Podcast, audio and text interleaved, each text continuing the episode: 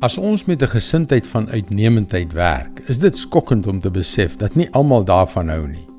Dit lyk asof ons gesindheid van uitnemendheid die demone van middelmatigheid kwaad maak. Hallo, ek is Jockey Gouchee vir Bernie Diamond en welkom weer by Vars.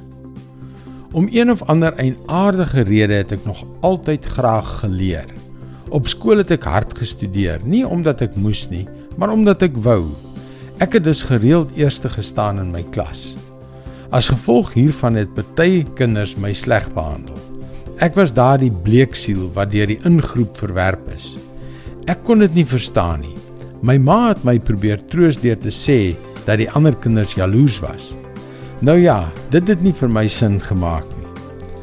Gister het ons gesien hoe Daniël na die top van koning Darius se leierspan beweeg het en aan die hoof van die koninkryk gestaan het alles vanweë sy gees van uitnemendheid.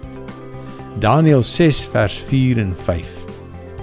Hierdie Daniël het deur sy buitengewone bekwaamheid so uitgeblink bo die ander ministers en die goewerneurs-generaal dat die koning van plan was om hom oor die hele koninkryk aan te stel. Die ministers en die goewerneurs-generaal het toe iets teen Daniël probeer kry oor die manier waarop hy die administrasie behartig het maar hulle kon nie.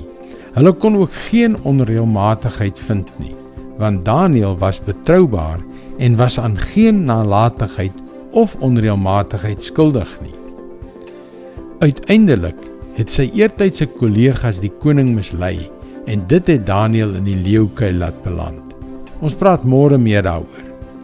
Die kern is dat wanneer ons met 'n gesindheid van uitnemendheid werk, sal ons inderdaad die demone van middelmatigheid wat in sommige mense woon laat opstaan.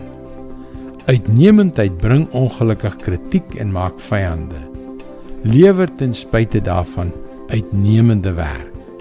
Want Daniël was betroubaar en was aan geen nalatigheid of onreëlmatigheid skuldig nie.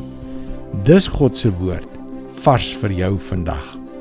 Is dit nie interessant hoe iets wat 3000 jaar gelede gebeur het, ons kan help om die dinge wat vandag met ons gebeur te verstaan nie. Maar dit is hoe die krag van God se woord werk en daarom is dit so belangrik om sy woord te hoor en te gehoorsaam. Gaan na ons webwerf varsvandag.co.za en teken in. En luister weer môre na jou gunstelingstasie vir nog 'n boodskap van Bernie Diamond. Seënwense en mooi loop.